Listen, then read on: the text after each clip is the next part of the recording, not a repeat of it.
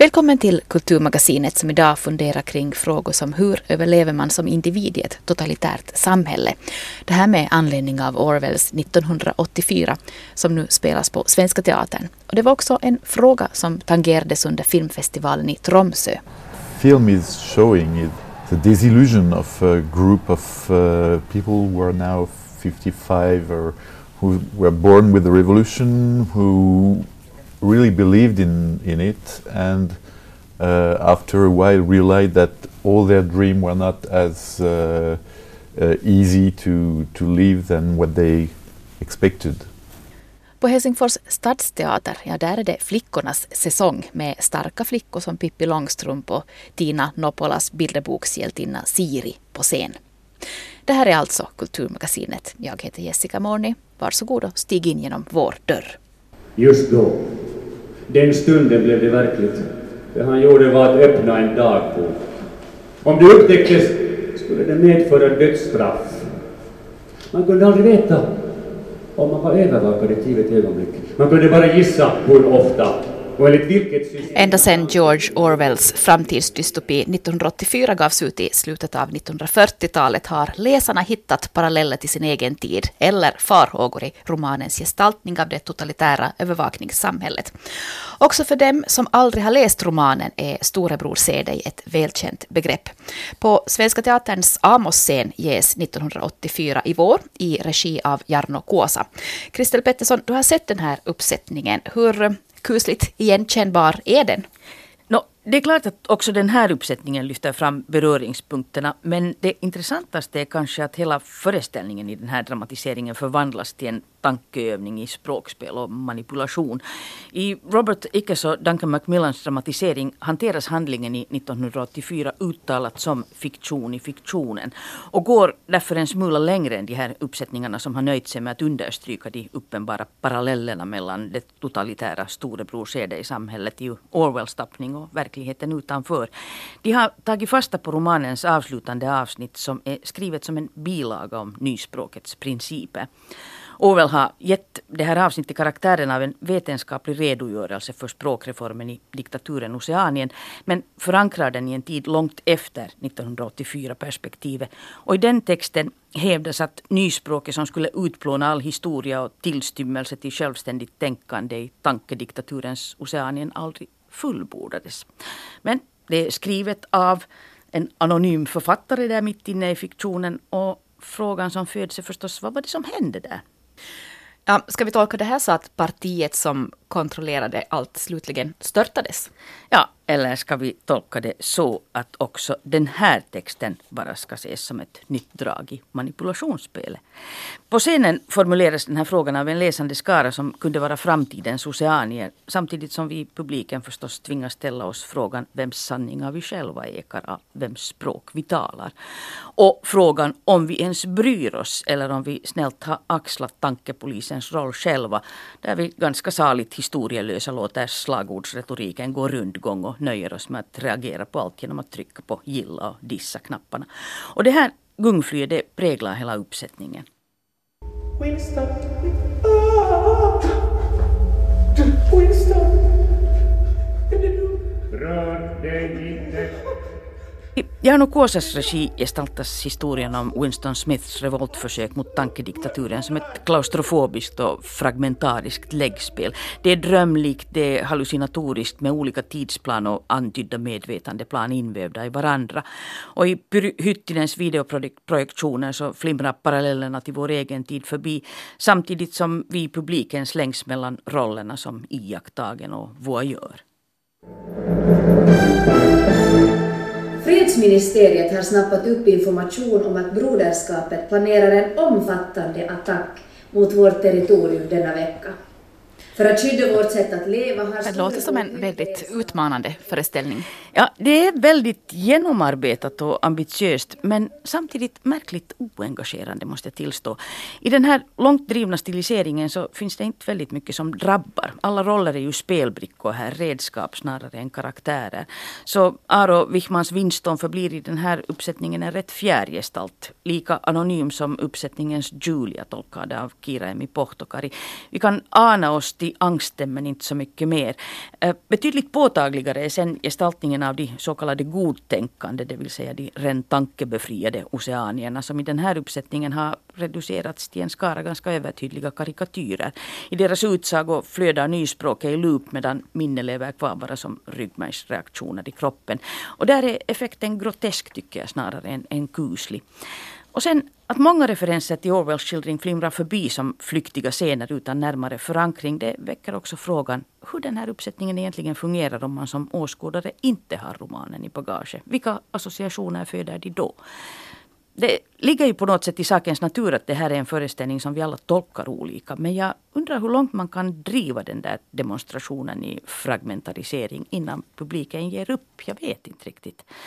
Nu tycker jag att det symptomatiskt nog är sista delen av uppsättningen som fungerar bäst. När Rabbe Smedlund gör entré som O'Brien, chefsideologen inom det här enväldiga partiets innersta krets. Då går uppsättningen in i en helt ny fas. Smedlund fångar den här djävulens allseende advokat med stram precision. Han håller oss alla i sitt järngrepp och det språket han talar det är isande klarspråk. Mm. Och det här då kanske är tidernas åsnebrygga, men revoltförsök handlar det väl också lite om i de två andra föreställningarna som du har sett, men då ur barnens perspektiv. På Helsingfors stadsteater är det Flickornas vår, både i fick och megaformat. Pippi Långstrump intar stora scenen, medan Tina Nopolas bilderbokshjältinna Siri är tillbaka i en ny uppsättning för foajéteatern. Jo, Pippi valdes ju faktiskt till den största kulturhändelsen på 150 år i Sverige när jubilerande Dagens Nyheter bad läsarna lista de viktigaste fenomenen. Eh, stort är ju inte alltid bättre, men jag tycker att det bästa med Stadsteaterns Peppi Pitkatossu onekligen är att uppsättningen ges med resurser som vi inte är bortskämda med i barnteatersammanhang. Det är påkostad scenografi, det är liveorkester och det är stor ensemble. Mitt på teaterns enorma huvudscen tronar Ville Villekulla i två våningar och det är lite ruckligt och det är brunmurrigt. Men när den nya invånaren kommer så får kåken både liv och färg. Apina! Hän on herra Tossavainen. Herra Tossavainen? Joo, minun lemmikki Apinani. Mutta hän on ollut tänään niin uppiniskainen, että saa kyllä luvan pysytellä sisällä. Scenografen Markus Tsokkinen har verkligen inte knusslat med effekterna. Villa Villekulla, imponerande redan i sig, blottar sin verkliga potential när det med en enkel vändmanöver förvandlas till pappa Efraims sjörövarskepp med pirater som väller ut ur alla skrymslen. Och full skala råder hela vägen. Från skolbussen som rullar in på scenen till lilla gubben i naturlig häststorlek. Lite för många ben har hästen men annars är den fin. Och bara det är ju nog för att få barnpubliken att tappa hakan. Och Milko Lehtos regi späder på i samma anda. I den här uppsättningen så råder högt tempo, mycket slapstick-humor och spektakulära scener där Peppi får visa både sin snabbtänkthet och styrka. Äh, äh, tyttö laittaa huolesta. Eh, Polisduon Kling och Klang till exempel, inte världens intelligentaste radarpar, steppar fram som lipizzanerhästar och luras ut på balansäventyr som till och med får en vuxen att blunda ibland. Starke Adolf dängs i golvet så att väggarna skakar och de där vingliga tjuvarna Dunder Karlsson och Blomlander som skalbaggar under guldmyntskappsäcken som de har försökt stjäla. Det är ofta väldigt roligt, också med de insprängda skämten som närmast riktar sig till den lite äldre publiken som till exempel när det här Kling och Klang-paret Ica Fors och Tuukka Leppänen låter den där relingsscenen ur Titanic flimra förbi mitt i en fartfylld scen. Men särdeles nyansrik är Lehtos regi nog inte. Mera yta än djup då? Det kan man absolut säga. Det är spektaklet som gäller. Premiärkvällens huvudrollsinnehavare, den här görs med två Pippin. Anna-Rika Rajanen, hon gör en makalöst Vigo alert Pippi. Men den som minns hennes insatser i till exempel Harens år eller Alice i Underlandet på Ryhmäteateri vet att hennes register är så mycket bredare än så. Den här uppsättningen den har ingenting till övers för känslighet eller lågmälda underfundigheter. Den filosoferar inte och den lyfter heller inte fram tycker jag den där klarsynen som Pippi ofta ger prov på i sin argumentering med dem som tänker i slitna hjulspår eller anser sig veta vad barn mår bäst av. Eh, I Lehtos regi så framstår Pippi rätt och slätt som en ganska uppkäftig vanerebell som egentligen bara protesterar mot allt vad vuxenvärldens normer heter utan att man egentligen har den här filosofiska dimensionen. Och på den punkten tycker jag faktiskt att Pippi-uppsättningens absoluta motsats, lågbudgetuppsättningen Siria Sotkunen Kerttu som då också har haft premiär på Stadsteatern, lyckas betydligt bättre. Den är minimal, det är en foajéföreställning på 30 minuter som gestaltar den här normkonflikten med betydligt mera finess. Mm. Siri, det är ju en sån här, ursprungligen en bilderboksfigur skapad av Tina Noppola och illustratören Mervi Lindman. Jo, och uh, den här gången möter vi Siri på väg till kompisen Pikku Ottos födelsedagsfest. Otto fyller sex och Siri är förväntansfull. Hon har ny klänning, hon har en present hon har fixat till själv. Men så dyker Kerttu upp. Och det är en vild och lortig flicka som älskar att klampa i gyttja och riva sönder allt hon kommer åt. Den här flickan är Ottos kusin och inte nog med det. Av allt att döma tycker han också att hon är jättekul. Mikko Täällä on likainen lapsi. Se on Kerttu, minun serkku. Onnea Otto! Och utan att vifta med pekpinnen så bereder den här uppsättningen mark för publikens egna reflektioner både kring vänskap och rätten att vara den man är. Tillsammans med Siri så inser vi småningom att alla faktiskt inte måste vara lika, att Siri duger precis som hon är, men också att den där stökiga Kerttu inte alls är något monster, bara en flicka som aldrig får kladda hemma. Så enkelt tycker jag också att vuxenvärldens normer och barnets rätt att ta plats kan gestaltas. Mm. Men 30 minuter, det låter ju nog ganska knappt. No, det är dagisgrupplängd. Men trots den där koncentrerade formen så bereder Kim och Virtanens regi faktiskt gott om utrymme för publikens egen inlevelse i gestalterna.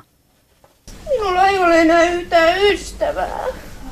Minä olen ihan yksin. No mutta sinullahan on paljon ystäviä. Ai. No meidän talossamme asuu herra Pilleen. Ja Onni Koira. Ai, mutta se on koira! Sanna Majuri trollar väldigt varsamt fram alla de här känslolägena som Siri hinner gå igenom i sin ängslan över att förlora vänskapen med Otto. Medan då Hannes Suominen står för tryggheten i porträttet av en rak och rejäl sexåring som accepterar sina kompisar precis som de är. Och rent terapeutisk effekt har förstås Tina Peltonens njutningsfulla kladdare. Vi behöver alla lätta lite på säkerhetsventilen ibland men det är inte helt fel att fundera lite på orsakerna också. Mm. Tack för det Kristel.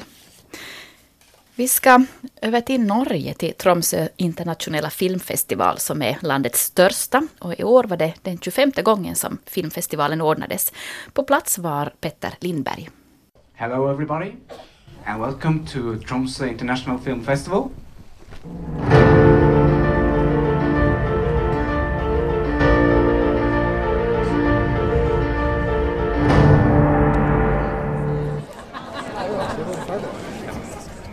Nästan hundra långfilmer från hela världen. Dokumentärfilmer, seminarier och över 50 000 sålda biljetter. Det är den internationella filmfestivalen i Tromsö i ett nötskal. There's a little bit of excitement in the air that we want to really feel. And there were a few more people who wanted to get in, so we've sold a few more tickets. And everybody's in now, I hope. Vi har ju eh, som vanligt ett, ett uh, brett eh, filmprogram. Vi har 90 filmer i, eh, uh, långfilmer i huvudprogrammet och så har vi ett kort och dokumentarfilmprogram som heter Film från Nord med mellan 40 och 50 ja, kort och dokumentarfilmer från Barentsregionen. I tillägg till masse, masse arrangementer, faglige seminarer for bransje og publikum. Eh, det är mycket att välja mellan. Den i ordningen 25 internationella filmfestivalen i Tromsö har föregåtts av ett intensivt arbete, säger festivalens presschef Håvard Stangnes. Staben har åkt världen runt på olika festivaler för att hitta intressanta filmer och resultatet är en imponerande bredd som geografiskt sträcker sig från Colombia till Kirgizistan och genremässigt täcker allt från långdokumentärer till finstämda betraktelser över människans utsatthet i totalitära samhällen. Men är det då några sär, sär, äh, särskilda filmer eller särskilda teman som ni har velat ta fasta på i årets filmutbud? Ja, vi, vi, har ju vi har aldrig ett tema på festivalen, men vi har många. Eh, programmet är satt samman av, av flera sidoprogram. Eh, vi har i år två to tematiske sideprogram. Et som heter Cityscope, som handler om eh, byutvikling eh, og det å bo i urbane miljø og de menneskene som bor her. Eh, det andre temaet er et program som heter eh, Ulikhetens pris, eller Inequality for all. Så det er, det er to, to, temaer som på en måte er litt av nerven i årets program, som har en samfunnsmessig profil. Ja, vi føler oss privilegert til å kunne vise så mye snål og smal og god film til, eh, til et publikum som er, tar imot det. Uh, my name is Kato Fossum. Uh, I work with the festival. I wish you welcome to the screening of uh, Return to Ithaca, or in Norwegian, Himmel over Havana. Eva María se fue buscando el sol en la playa. So we're very pleased to have uh, Laurent Canté with us. Please uh, give him a warm welcome.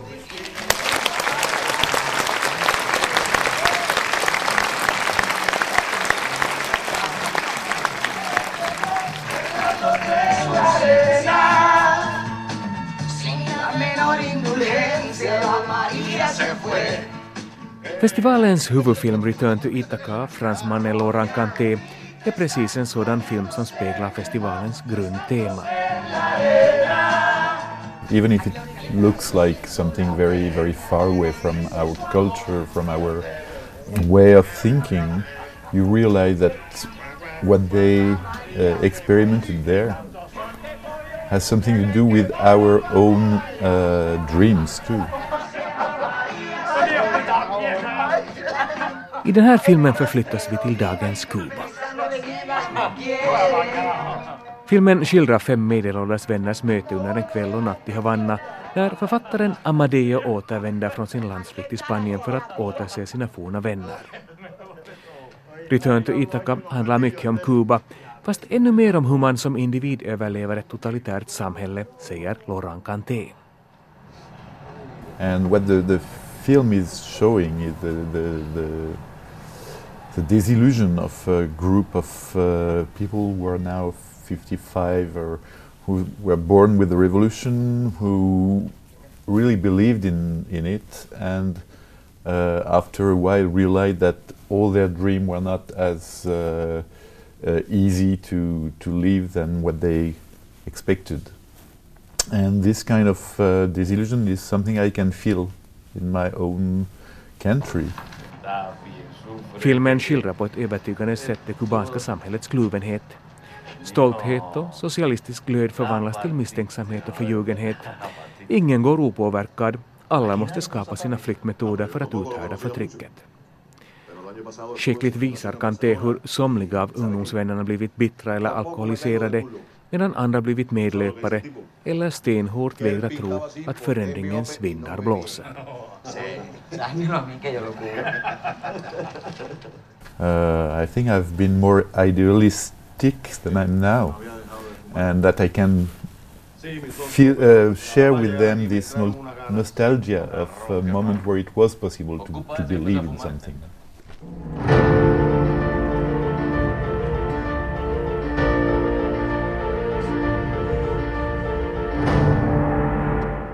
What about the French films here? Can you hear my French accent? uh, Varför är du här på, på filmfestival i, i Tromsö? Uh, jag är väldigt glad i film. Uh, har varit, det här är femte året mitt. Uh, ja. Liker att jobba frivilligt på festival och då får man också se massa kul film.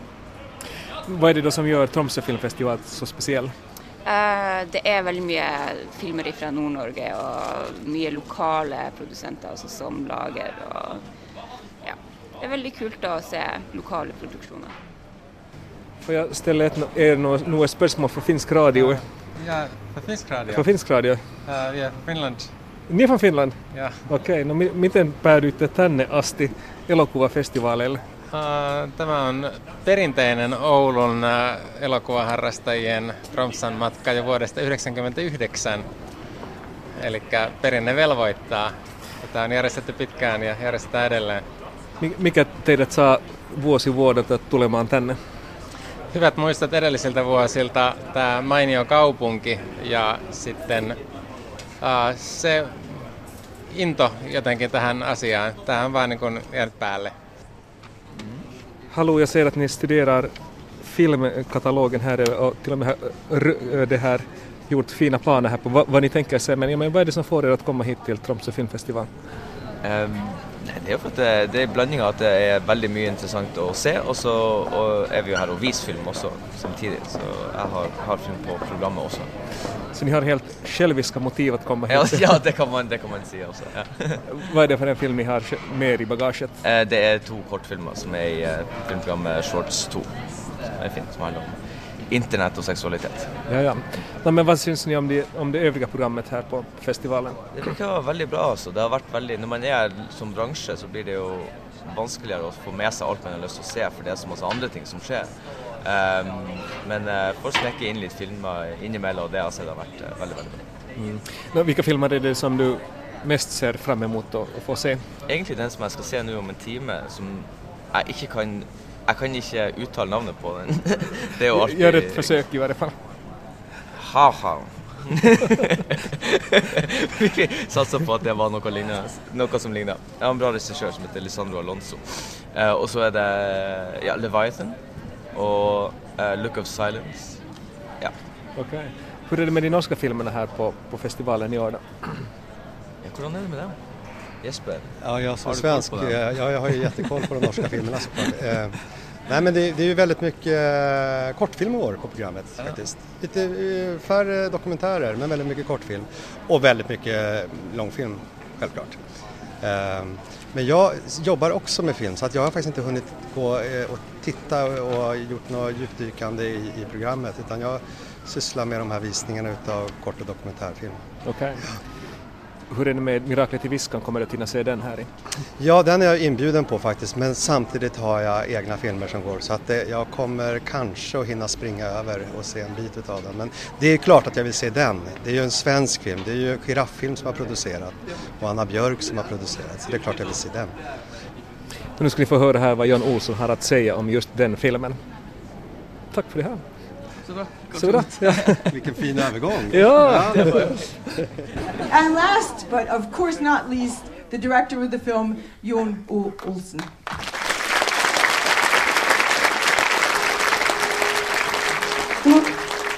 Tycks? Det är skitsnyggt. Kom hit så jag får känna. Hej Liaboysen och hej Jan Olsson. Vi har precis bevittnat världspremiären på Miraklet i Viskan. Den obligatoriska frågan hur det känns att, att se sitt alster så här inför den första publiken. Ja, jag tyckte det kändes väldigt bra. Alltså jag, jag blev, jag kände, ja, jag skrattade själv åt vissa saker och tyckte jag blev lite rörd åt det. Och det är ju när man kan få åka med publiken också. Jag har ju sett det så många, många gånger så att mm. man eh, till sist blir man lite, man undrar om man har rätt eller ej. Mm. Men när publiken också reagerar på samma sätt så då börjar man skratta själv och mm. återupptäcker filmen på något sätt. Liksom. Så att jag, jag är glad och nöjd. Lia, hur är det med dig då? Ja, men jag tyckte det var helt fantastiskt att sitta här i Tromsö och höra den, denna stora publik skratta så mycket. Mm. Eh, först denna väldiga, väldiga allvarliga tystnad och lystring och sen det ja, verkligen fantastiska skratt. Det, mm. det, var, det var otroligt.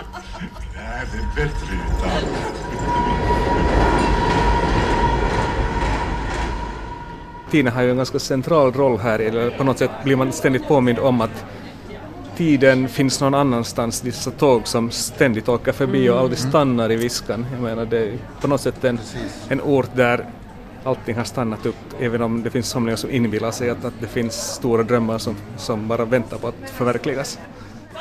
All eh, livet passerar det här huset på samma sätt som tågen bara passerar liksom, oberört av jag har blivit väldigt förälskad av det där. Jag trodde, när man har suttit i tåg själv och, och som har åkt förbi tätt på hus, alltså man tänker stackars människor som bor sådär. Men när man är där så är det fantastiskt med de här tågen. Mm. Men det, är, det är ju inte ett enda tåg som stannar där i Viskan, alla åker ju förbi den. Ja, de flesta åker förbi. alla åker förbi. ja, ja. Men förutom det digra spelfilmsutbudet bjuder TIFF på en mängd dokumentärer.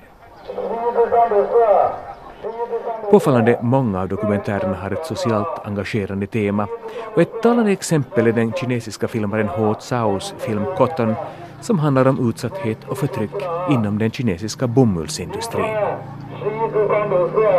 在上个世纪吧，十九在十九世纪，人们谈到棉花，他肯定会想到是美国，想到的是南北战争。 Förr förde bomullen tankarna till USA, men idag tänker de flesta på Kina, landet där 70 procent av världens bomullskläder produceras. 在二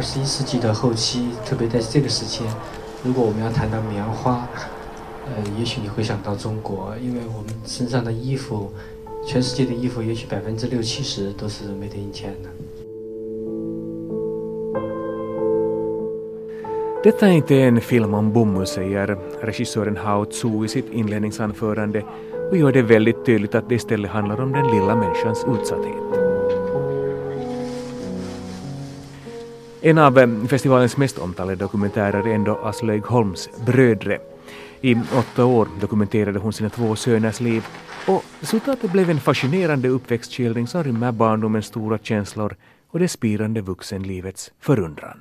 Det är kanske det som jag syns är styrkan med dokumentar, er att eh, du kunde ha skrevet ett bättre manus på något det, det kommer verkligheten trer fram. Och det är helt otroligt om du är till stede med kamera och greier å gripe det.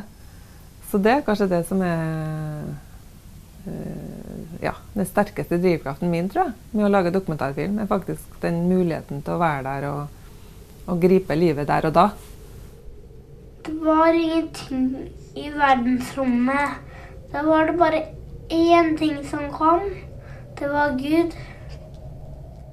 Likt Richard Linklaters film Boyhood skildrar Aslaug Holm sina pojkars uppväxt.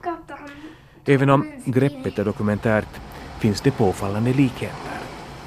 Stundtals är det som om dokumentärfilmen obemärkt övergick i spelfilm, som om jakten på det perfekta filmatiska ögonblicket undanträngde kravet på sanning och förvandlade projektet till någonting drömskt och gåtfullt. Brödre är en film om att växa upp, men också en film om en mamma som till slut måste ta avsked av sitt projekt och indirekt också av sina söner. Jag känner att det är en lång resa som jag egentligen kommer i land på. Då. Det har varit en väldigt spännande resa, men nu är vi på något sätt kommit i mål. Nu är det en ny epok som startar, som Markus säger. Och det är också något fint i det. Det är lite vemodig att det är över, men samtidig også fint å gå inn i en ny fase. Og livet består litt sånn, tror jeg, av ulike faser. Og da må vi på en måte også forsone oss med at en epoke er over, og så må vi åpne opp for det nye, da. Här hörde vi den norska dokumentärfilmaren Aslaug Holm, aktuell med sin film Brödre. Petter Lindberg var det som hade besökt Tromsö filmfestival. Den svenska filmen Miraklet i viskan med Lia Boysen och Rolf Lassgård i huvudrollerna har premiär i Sverige senare i vår. Och den kommer också att visas på Yle 5 vid tillfälle. Det här är en tragikomisk berättelse om envisa män, orealistiska drömmar och en liten norrländsk by som Gud glömde. I Kulturmagasinet nästa vecka blir det opera. Den lilla listiga reven har premiär på Nationaloperan. Och så blir det också en rapport från Tammerfors teaterscen. Då handlar det om den fjärde delen i Sirkku Peltolas pjässerie om familjen Kotala. Med den blicken framåt så avslutar vi Kulturmagasinet för ikväll. Vi träffas igen om en vecka. Hej!